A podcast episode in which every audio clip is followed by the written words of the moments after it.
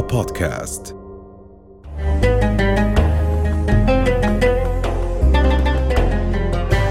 حلقة جديدة من ساعة محبة. لنرتقي سويا. السلام عليكم ورحمة الله وبركاته أهل الأعزاء. أحييكم ودوما على المحبة نلقاكم أيها الأحبة عندما تكتسي الأفكار ثوب القصة وثوب الأدب هذا الأسلوب القريب للنفس المحبب لها فإنه يكون أبلغ تأثيرا. هذه القصة التي بدأت ببداية البشرية. بدأت البشرية بقصة وبدأت الحياة بقصة. كل مولود يولد فهو قصة من هذه القصة الكبيرة في هذا الكتاب. القصص هو حياتنا. القصص هو آه، شيء في غاية الأهمية حتى في كتبنا الدينية في كتبنا المقدسة.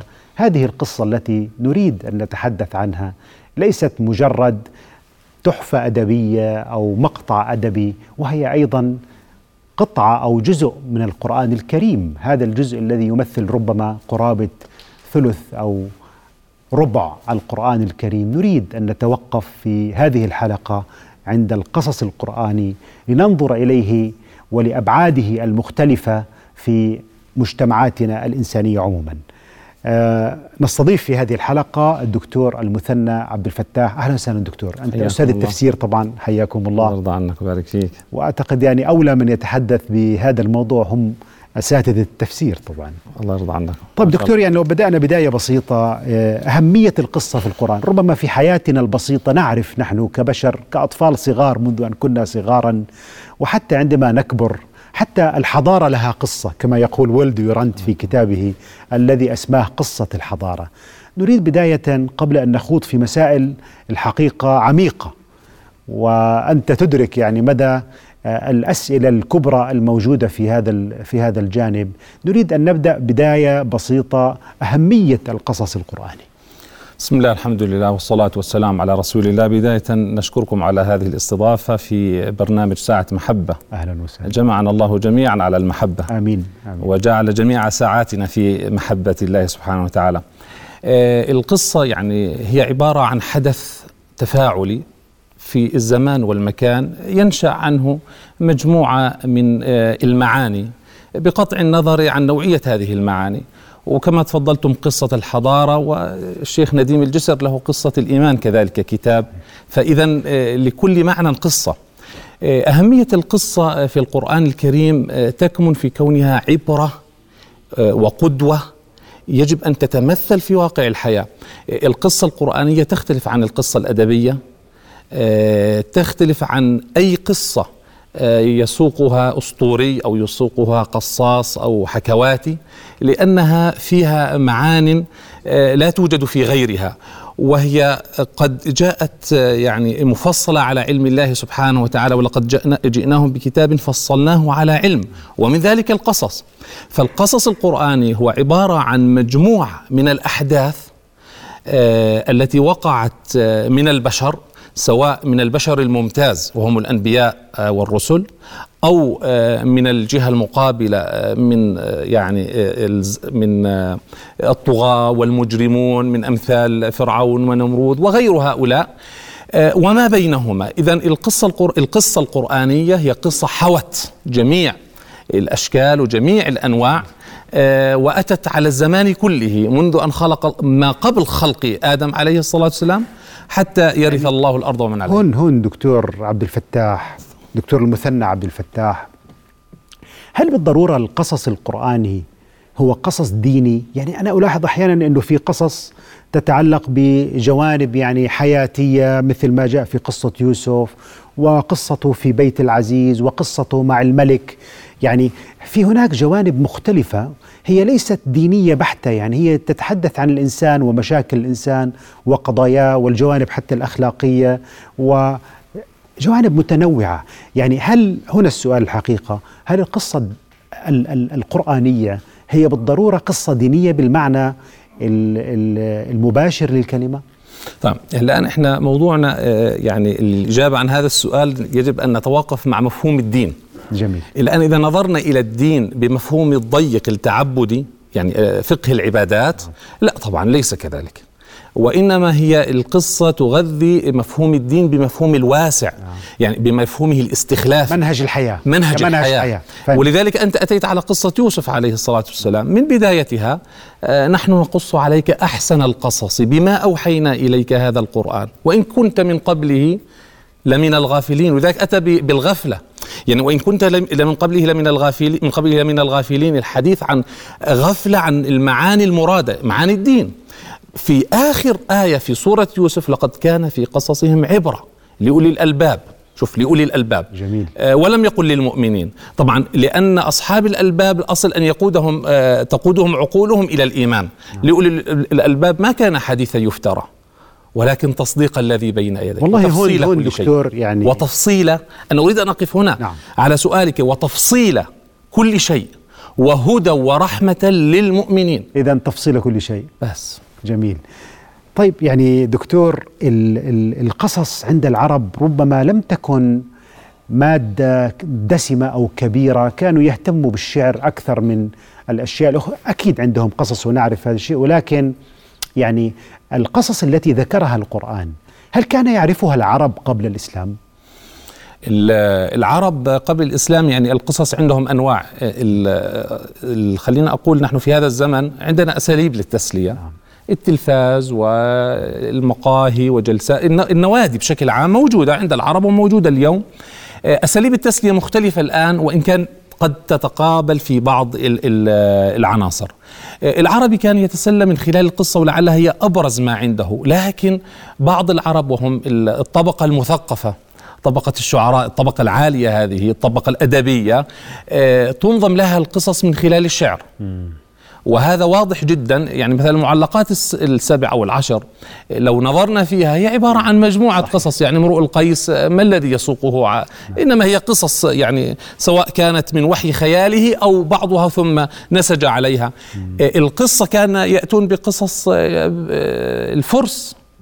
ويروونها العرب يذهبون إلى الشام ويذهبون إلى بلاد فارس ويسمعون قصص الرومان وقصص آه، الفرس ويأتون يروونها وتكون مجالس للتسلية وهذا شيء مستمر بين الأمم. آه، الآن نعود إلى موضوع هل القصة القرآنية موجوده يعرفها العربي؟ العربي يعرف يعرف بعض الشخصيات بشكل عام.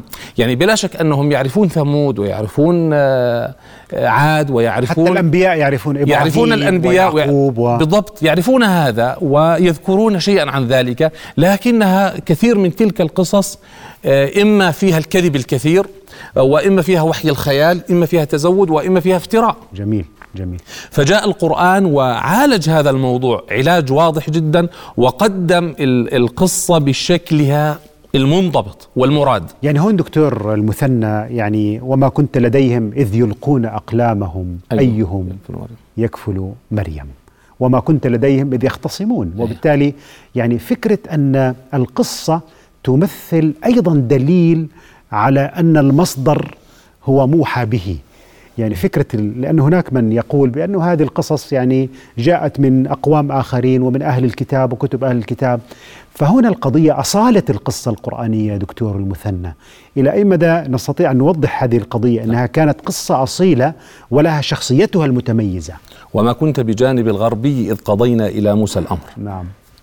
آه، وشواهد كثيرة في القرآن الكريم أنه قص قصصا لا يعرفها وهي قضية مهمة هذه لا يعرفها إلا علماء أهل الكتاب نعم. ولذلك الله سبحانه وتعالى قال فاسألوا أهل الذكر إن كنتم لا تعلمون وهو يريد أهل الكتاب أهل. الكتاب طبعا لأنهم هم الذين الصحيح. يعلمون فالآن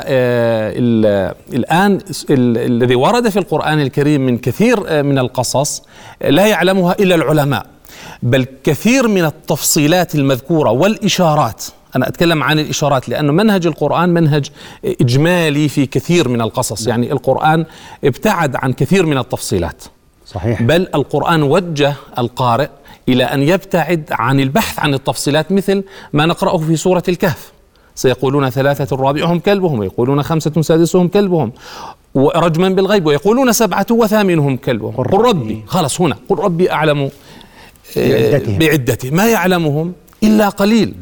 فالتوجيه القرآني واضح جدا ترك التفاصيل التي لا فائدة من ورائها ولا عبرة كامنة من البحث فيها. هون نقطة يا دكتور المثنى أن القصة القرآنية فيها ميزة لا نجدها رغم التشابه. وأنت ذكرت فاسألوا أهل الذكر وأن القرآن لم يخبئ.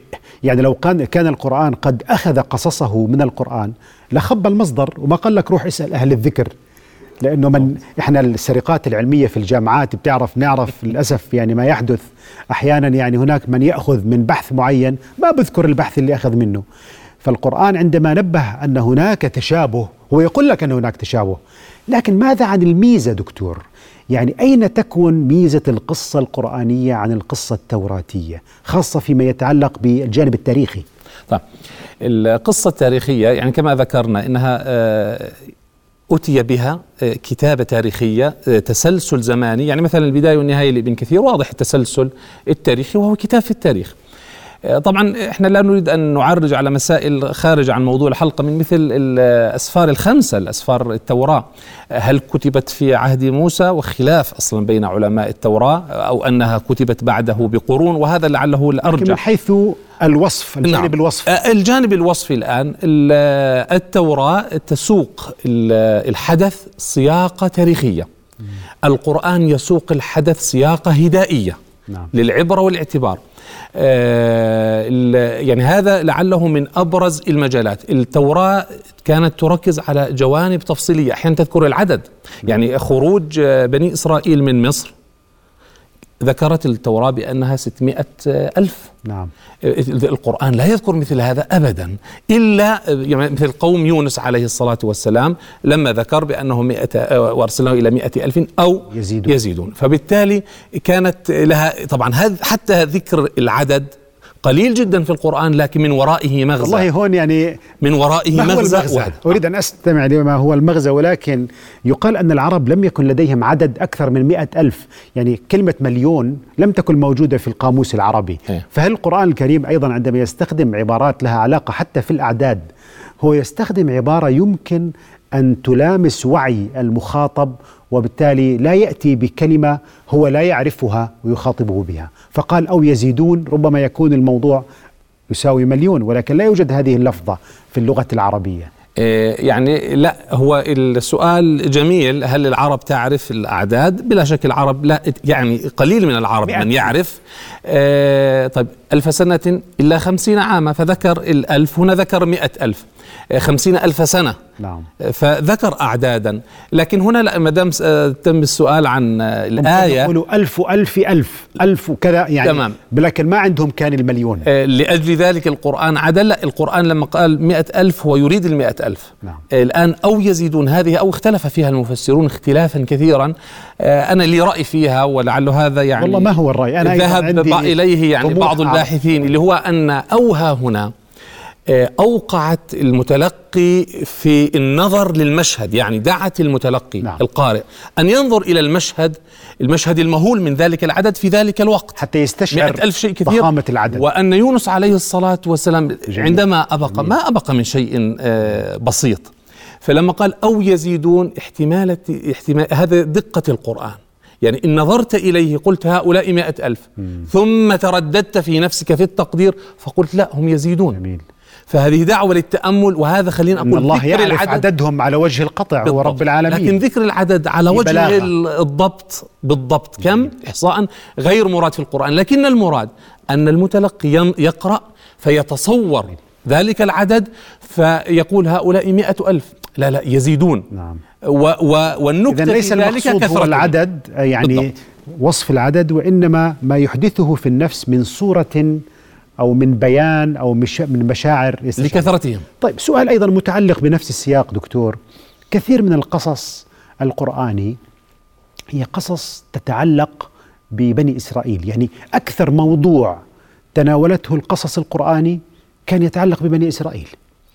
ما السر؟ هل القضية قضية شماتة أنه القرآن والعياذ بالله يريد منا نحن كمسلمين أن نذكر هؤلاء الأقوام ونشمت بهم ما العبرة؟ لماذا بنو إسرائيل أكثر من ذكرهم القرآن من جانب القصص؟ يعني هو آه، عياذا بالله أن يشمت القرآن من من أو, كافر. أو, أو يحرضنا على الشمال لا لا لا. نعم. كما يظن البعض. لا هو بنو إسرائيل يعني أنا أريد أن أوجه السؤال بطريقة مختلفة. جميل. آه، نحن عندنا لو أردنا أن نقسم القصص الأنبياء نتكلم عن بني إسرائيل اذا الذين أرسل إليهم الأنبياء. جميل. قصص أنبياء. قصص الأنبياء فقط. هذا نوع. آه، هذا أحد أهم الأنواع. نعم. الآن ننظر إليها. لو أردنا أن نقسمها نقسمها ثلاث أقسام. بنو إسرائيل وأنبياء بني إسرائيل. موسى عليه الصلاة والسلام أبرز أنبياء بني إسرائيل في القرآن. نعم. وبقيه الأنبياء مع غير بني إسرائيل من مثل آه، إبراهيم عليه الصلاة والسلام وصالح و آه، يعني آه، هود وهكذا بقية الأنبياء هم قلة قليلة من غير بني إسرائيل لا يعني أنا أريد أغلبهم من بني إسرائيل أنبياء أن القرآن. أخرج نعم. موسى عليه الصلاة والسلام ما العلة؟ ليه؟ ليش؟ لأنه معظم التركيز قصص مو قصة موسى عليه الصلاة والسلام، يعني لو نظرنا إلى قصص بني إسرائيل غير قصة موسى طب ما هو موسى نبي بني إسرائيل أعرف آه أعرف يعني لكن كيف نخرجه؟ كما لا أريد أن أخرجه لكن أنا أريد أن أقول كثرة الحديث عن بني إسرائيل هو بسبب يعني آه نعم، قصة, قصة موسى, موسى عليه الصلاه هي هي هي الأبرز يعني هو موسى عليه الصلاة والسلام أكثر من كونه بني لماذا موسى عليه لماذا؟ السلام ذكر لماذا؟ أكثر من غيره من الأنبياء؟ آه، لو نظرنا موسى عليه الصلاة والسلام أرسل من خلال النظر في القصص المكي يعني الصور المكية نجدها أنها ركزت على العلاقة موسى عليه الصلاة والسلام مع فرعون ومع بني إسرائيل ثانيا بينما في القرآن المدني وهي متركزة في سورة البقرة نعم. وفي سورة المائدة وإن كانت سورة المائدة ذكرت يعني آه، سورة مقطع القصص طبعا. آه، مقطع. بس لا أنا أتكلم. عن المدني الآن. آه عن المدني. البقرة نعم. البقرة والمائدة ذكرت علاقة موسى عليه الصلاة والسلام ببني إسرائيل. وكان الحديث عن فرعون باعتباره حديثا ضمنيا يعني كأنه آه، ذكر ليس وال والمك والمدني ماذا حدث؟ هو ال- ال- التركيز على بني إسرائيل. المكي كان تركيز على فرعون مع ذكر بني إسرائيل. الآن نحن ننظر شخصية فرعون تمثل خط الاستبداد خط آه، الطغيان آه، العتو في الأرض آه، الاستكبار. وبالتالي كان هذا الخط لابد من معالجته لأنه هذا خط متكرر في البشر. الخط الثاني أو الاتجاه الثاني آه، المدعوون وهم بنو إسرائيل. وجدنا في أنهم عندما خرجوا من آه، من من أرض مصر كانوا خرجوا بالذلة والمهانة وأنهم قد استعبدوا وذبحت أبناء ذبح آه، ولدانهم واستحيت نساؤهم. وعندما خرجوا خرجوا بالجهل جهلوا. يعني لما خرج بنو إسرائيل من أرض مصر طبعا يوسف عليه الصلاة والسلام ذهب إلى مصر وأتى ببني إسرائيل. وكان الإدخال من خلاله. أما الإخراج فكان من موسى عليه الصلاة والسلام ففي علاقة بين آه، دخول يوسف عليه الصلاة والسلام وخروج آه، موسى ببني إسرائيل. نعم. وبينهم يعني قرون آه. بضعة قرون. الآن ال- القرآن يعني وهذا ذهب إليه كثير من المفسرين وكثير من الكتاب في القصص القرآني بأن القرآن آه، يعني وجد أن أكثر شيء تحتاجه هذه الأمة آه، هو معالجة هذي معالجة هذين الأمرين. موضوع الطغيان المتمثل بشخص فرعون وموضوع آه، الذل والمهانة التي قد تتعرض لها هذه الأمة. وبالتالي موسى عليه الصلاة والسلام أراد أن يواجه الخط الفرعوني الطغياني وأراد وواجه كذلك خط الذلة الذلة والمهانة التي تعرض لها بنو إسرائيل ولذلك أخرجهم من ذلك. دكتور المثنى يعني هذا السؤال اللي هو كثرة القصص المتعلقة ببني إسرائيل ووجه تهديد طبعا موسى عليه السلام كما ذكرت وهي ملاحظة في مكانها. لكن أنت ذكرت أنه موضوع الاستبداد وموضوع يعني الظلم الذي وقع على بني إسرائيل وهناك جوانب دينية أيضا دعنا نقول أو ذات بعد ديني. يعني مثلا ما يتعلق بالأوامر ويعني عدم الالتزام بالتوجيهات الإلهية وعدم اتباع موسى. وانظر ما أحدثوه لموسى عليه السلام وشقوا عليه وشقوا على أنفسهم. يعني هل العبرة أن كنا نحتاج نحن كمسلمين إلى من يحذرنا من أن نقع بذات الأخطاء. آه، القرآن ينبه على هذا.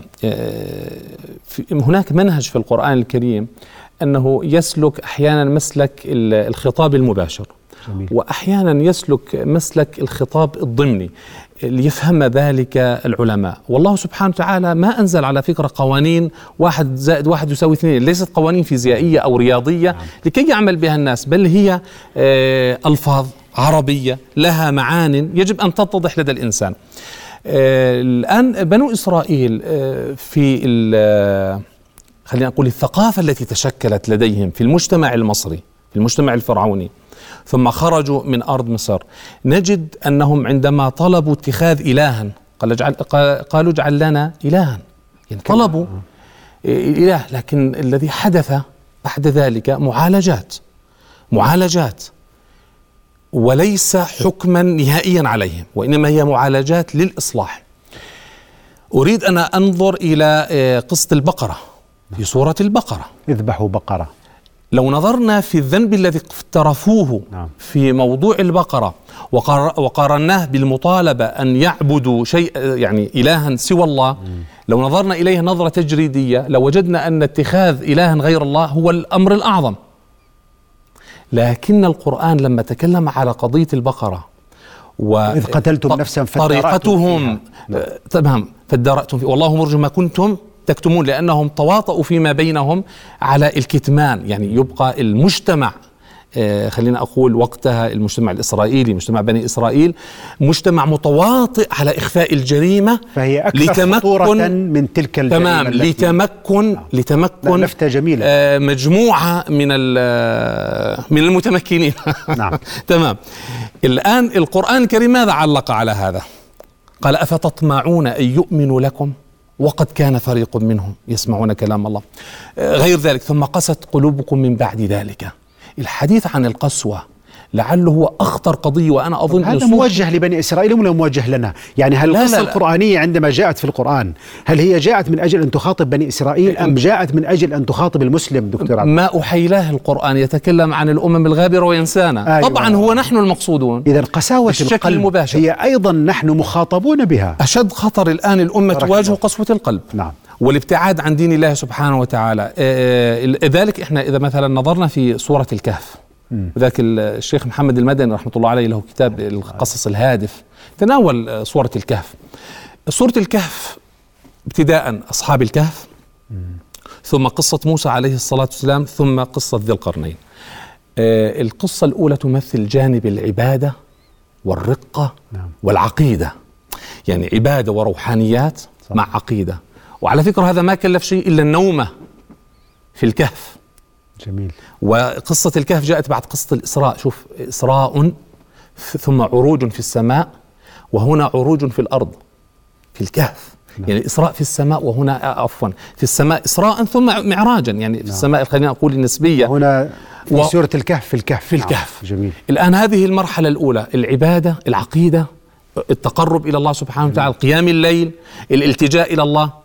إذا أهداف القصة القرآنية ليست أهداف لإدانة أي مجتمع آخر وإنما لاستثمار هذه العبرة واستخراج هذه الأهداف التي ذكرتها يعني دكتور المثنى نعم. إذا هي من أجل في النهاية من أجل أن يعتبر المؤمن لأنه أولى الناس بالاعتبار جميل. لكن أنا أريد أن أقف وقفة سريعة على موضوع قصة يعني قصص الكهف سريعا هكذا بدقيقة.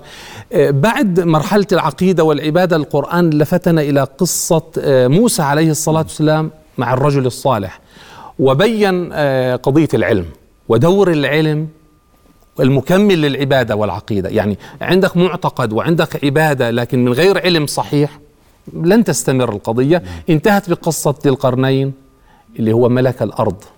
صحيح. يبقى العقيدة والعبادة علم فتمكن في الأرض. صحيح جميل. وبالمناسبة هذا الجزء من قصة موسى والعبد الصالح غير موجود في التوراة.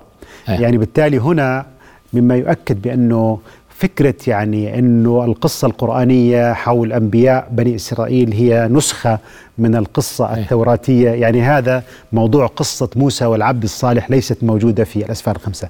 طب دكتور يعني أنت ذكرت قبل قليل نقطة مهمة وهي القصص المكي والقصص المدني.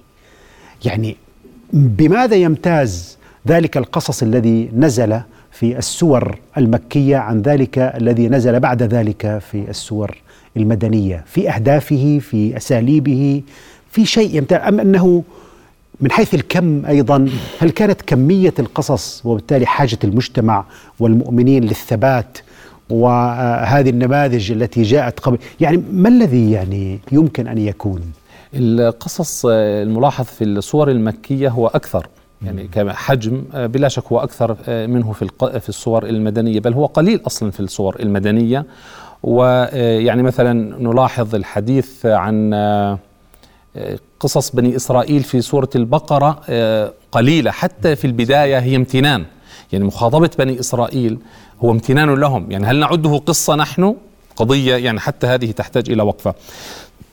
لكن مثلا لو نظرنا في قصص اللي وردت مثلا في سورة المائدة وهي من آخر السور نزولا من حيث الطوال. واتلو عليهم نبأ ابني آدم بالحق. آه، وإذ قال موسى لقومه يا قوم اذكروا نعمة الله عليكم إذ جعل فيكم أنبياء وجعلكم ملوكا وآتاكم ما لم يؤت أحدا من العالمين. يا قوم ادخلوا الأرض المقدسة التي كتب الله لكم وجعلها آخر من آخر القصص نزولا في العهد المدني. نعم. ثم ذكر قضية واتلو عليهم نبأ ابني آدم بالحق. هل هناك علاقة؟ أنا أرى هناك علاقة. يعني ذكر شوف الحديث عن دخول الأرض المقدسة والحديث عن ابني آدم طب الحديث عن ابني آدم قضية الحسد نعم. قضية علاقة الأخ بأخيه وقضية التفرق وبنو إسرائيل كان بينهم فرقة نعم. ولذلك هم ما اكتفوا آه، بعين واحدة بل الله سبحانه وتعالى فجر لهم اثنتي عشرة عينة قد علم يعني كل ناس عدد الأصوات عدد الأصوات. أيوة كل واحد بده عين يعني ما اكتفوا بعين واحدة للفرقة التي بينهم. آه. ولعل هذا ينطبق علينا. لا هي إشارة قرآنية لنا. والإشارات القرآنية في القصص القرآني كثيرة جدا. نعم. يعني لكنها تحتاج إلى استنباط وتحتاج إلى هدايات وهي غير مباشرة. طيب دكتور يعني المثنى عبد الفتاح آه، ملاحظة في من يقرأ القصص القرآني أن القصص القرآني مثلا موسى عليه السلام جاءت متفرقة في سور مختلفة بينما يوسف عليه السلام قصة يوسف جاءت في سورة واحدة. يعني هل يمثل هذا علامة فارقة في قصة يوسف لماذا قصة يوسف على وجه التحديد جاءت كلها في سورة واحدة هي القصة الفريدة في القرآن بالضبط. الكريم على هذا المنوال. والأطول. آه نعم بلا شك إنها طويلة. يعني توجيه ذلك أن قصة آه، خلينا نقول سورة يوسف عليه الصلاة والسلام نزلت في آخر البعثة في السنة الثانية عشرة وهي بالمناسبة في الجزء الثاني عشر من القرآن. وإن كان بعضهم يعني يحاول أن يبحث عن لطائف في عدد 12 وأنا لا أرى ذلك يعني إنه بالغ الأهمية تكلف شديد جدا ما يسمى بالإعجاز العددي متكلف فيه, فيه بشكل عجيب جدا لكن هي إن صح ذلك فهي عبارة عن لطائف.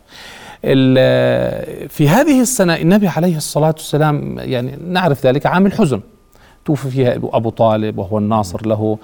توفيت خديجة رضي الله عنها أمنا خديجة. يعني مر بأزمة شديدة جدا. فكان نزول سورة يوسف التي تمثل آه، علاقة الأخ بإخوانه. يعني إن كنت تظن أن قومك قد أخرجوك وأصابك ما أصابهم فهذا قد فقد والده ووالدته وفقد فعلا. إخوانه بل هم الذين طعنوه وألقوه في غيابة الجب وما إلى ذلك. الآن لماذا هذه القصة جاءت آه، طويلة. لا أقول مش في سورة واحدة أيوة في الاستمرارية. نزلت آه. مرة واحدة في سورة واحدة, واحدة. قطعة واحدة أحسنت. وكأنه الزمان يعني آه، تبسيط أو يعني تقريب موضوع النصر. لأن يوسف عليه الصلاة والسلام عندما ألقي في غيابة الجب كان الإلقاء في غيابة الجب هو التمهيد الموصل إلى أن اجعلني على خزائن الأرض نعم. نعم. اجعلني على خزائن الأرض عليم. أيوه وبدأت الصورة بالرؤية التي اراها أريها يعني يوسف عليه الصلاة والسلام وانتهت كذلك بتحقيق تلك الرؤية فكان ذكر القصة بهذا الشكل الجميل جدا المتواصل جميل. هو تسلية للنبي عليه الصلاة والسلام وهي عدة صادقة له بأن سيكون لك ما كان له نعم. وقد يعني في أحداث السيرة لو نظرنا مثلا يوم فتح مكة قال لا أقول لكم إلا ما قال يوسف لإخوانه. جميل جميل. لماذا؟ لأنها حاضرة في نفس النبي عليه الصلاة والسلام. جميل. إذا هي النتيجة قد بلغت وقد ظهرت في نفس النبي صلى الله عليه وسلم. دكتور يعني الحوار حوار شيء جميل سواء في القصة أم خارج القصة.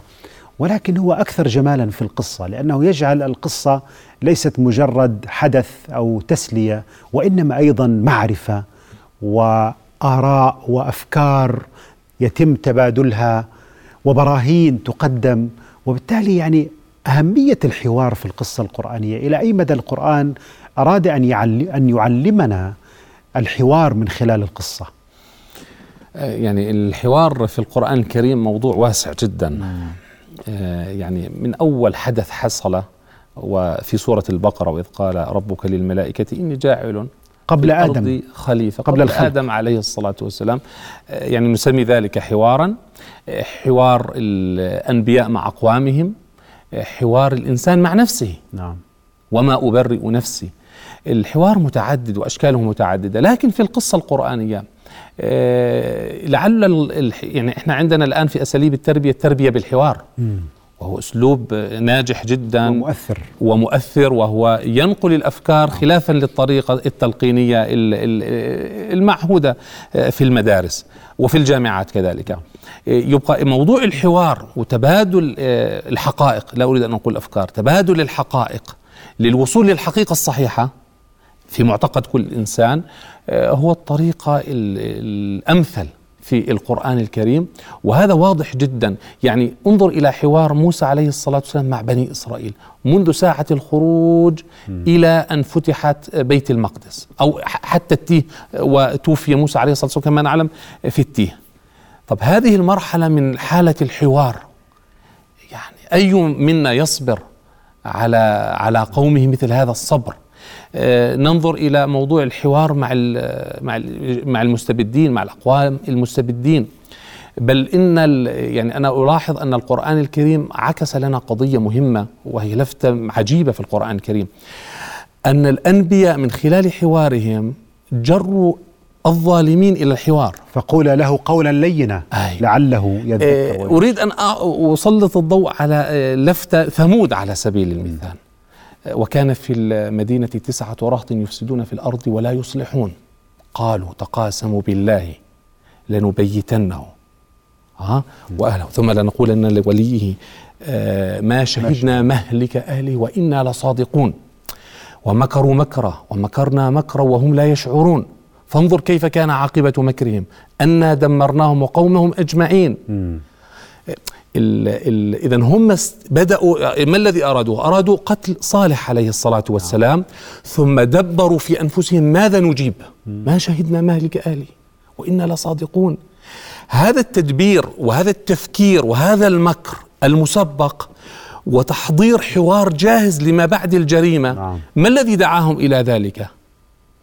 لأنهم أجبروا على الحوار أيوة. وشيء بالشيء يذكر آه، نحن نعلم في السيرة النبوية أن النبي عليه الصلاة والسلام قد تأمر عليه أهل مكة وأرادوا قتله في فراشه ثم أوحي إليه وخرج. وجلس علي رضي الله عنه في فراشه. أنا في ظني أن هذه الآية فيها إشارة إلى أن التاريخ يعيد نفسه وأن هؤلاء الذين تآمروا على صالح سوف يكون لهم أبناء من جميل. من قريش يتآمرون على النبي عليه الصلاة يعني والسلام. إشارة جميلة. آه. وإن أخذناها يعني حاولنا أن نأخذها بمعنى منهجي عام. إيه. وندرس يعني أن كل قصة ما هو الحدث الذي ترتبط به في تاريخ السيرة النبوية؟ أعتقد أنه قد تكون قضية في غاية الأهمية كما فعلت قبل قليل. لو تم تعميم هذه الفكرة وكل قصة من هذه القصص ما الذي ارتبطت به وما الذي تشير إليه من تطور في واقع الدعوة الإسلامية. سؤال التالي دكتور المثنى الحقيقة سؤال إشكالي كبير وهو يعني يتعلق ب رمزية القصة القرآنية، يعني هناك من يقول إنه القرآن ما دام هو ليس كتاب تاريخ ولم يهدف إلى تسجيل الأحداث التاريخية. ويقول لك في السنة الفلانية كذا لو كان هو كتاب حدث تاريخي سواء في عصر النبوة والقصص المتعلق بأحداث واقع الإسلام في عهد النبوة أو الأحداث الماضية كان ذكر لك التاريخ على الأقل. فهل القصص الرمزي شيء لماذا ينظر البعض لأنه مشكلة في القرآن الكريم؟ ما الخوف من رمزية القصة؟ ونحن نعرف أن القصص الرمزي هو أرقى أنواع القصص وأكثرها عمقا خاصة على مستوى الفكر البشري. لماذا القلق من القول أن هناك شيء من الرمزية في القصص القرآني؟ طيب هذا يعود إلى ضابط منهجي. ما هو؟ الضابط المنهجي أن نحن بداية لا يحق لنا هكذا أن نجلس ونرفض ونقبل نعم. إلا ضمن ضوابط أكيد. علمية ومنهجية طبعاً. الآن الضابط المنهجي أن القرآن الكريم عندما أنزله الله سبحانه وتعالى على قلب النبي صلى الله عليه وسلم أنزله وجعل النبي عليه الصلاة والسلام مبينا له نعم. لتبين للناس ما نزل إليهم. هذه ولعلهم يتفكرون. لم يمنع التفكر. ولم يمنع التدبر. بل دعا إليه. أم على قلوب أقفالها. ولو كان من عند غير الله لوجدوا فيه اختلافا كثيرا. فيبقى هناك دعوة للتفسير دعوة للتدبر دعوة للتفكر في القرآن الكريم. إيه، نحن لم نشهد في من يعني من كلام النبي عليه الصلاة والسلام ولا من كلام من بعده ولا من كلام العلماء إلى الفترة القريبة في هذا العصر من قال إن في القرآن رمزية أو هناك قصص رمزي. هنا وقفة. يعني وبالتالي الضابط المنهجي مهم جدا.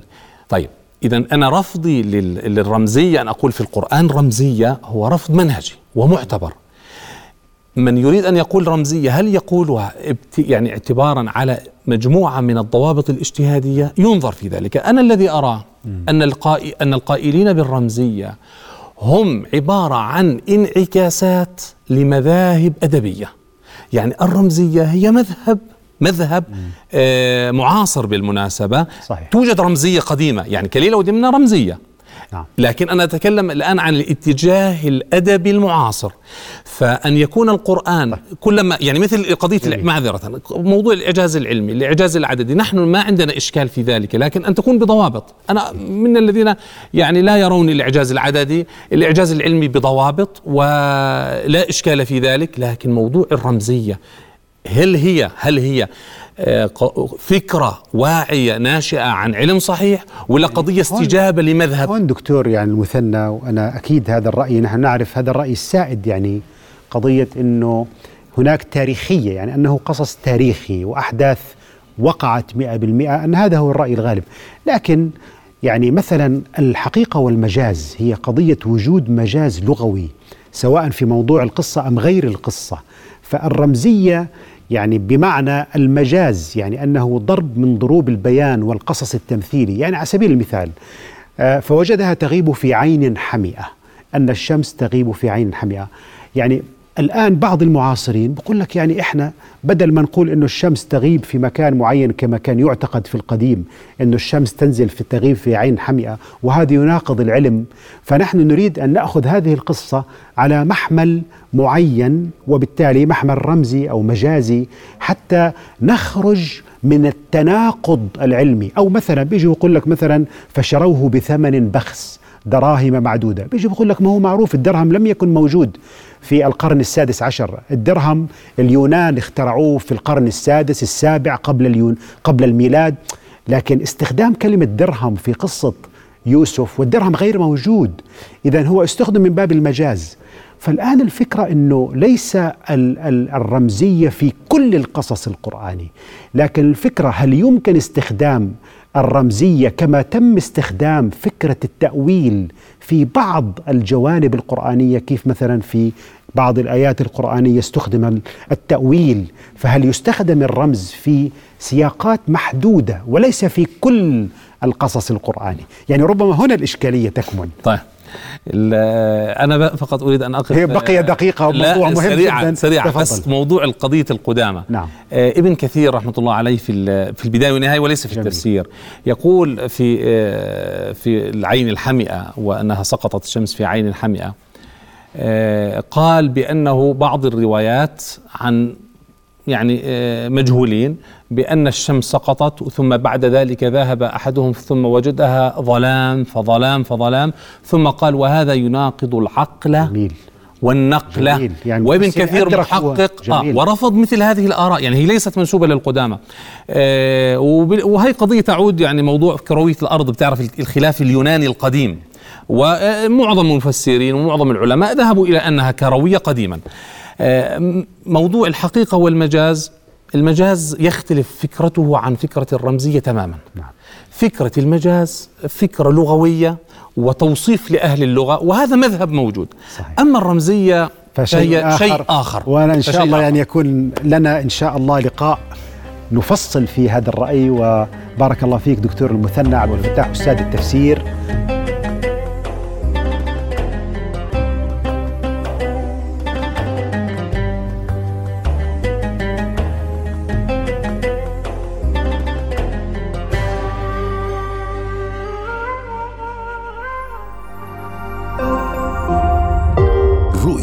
بودكاست.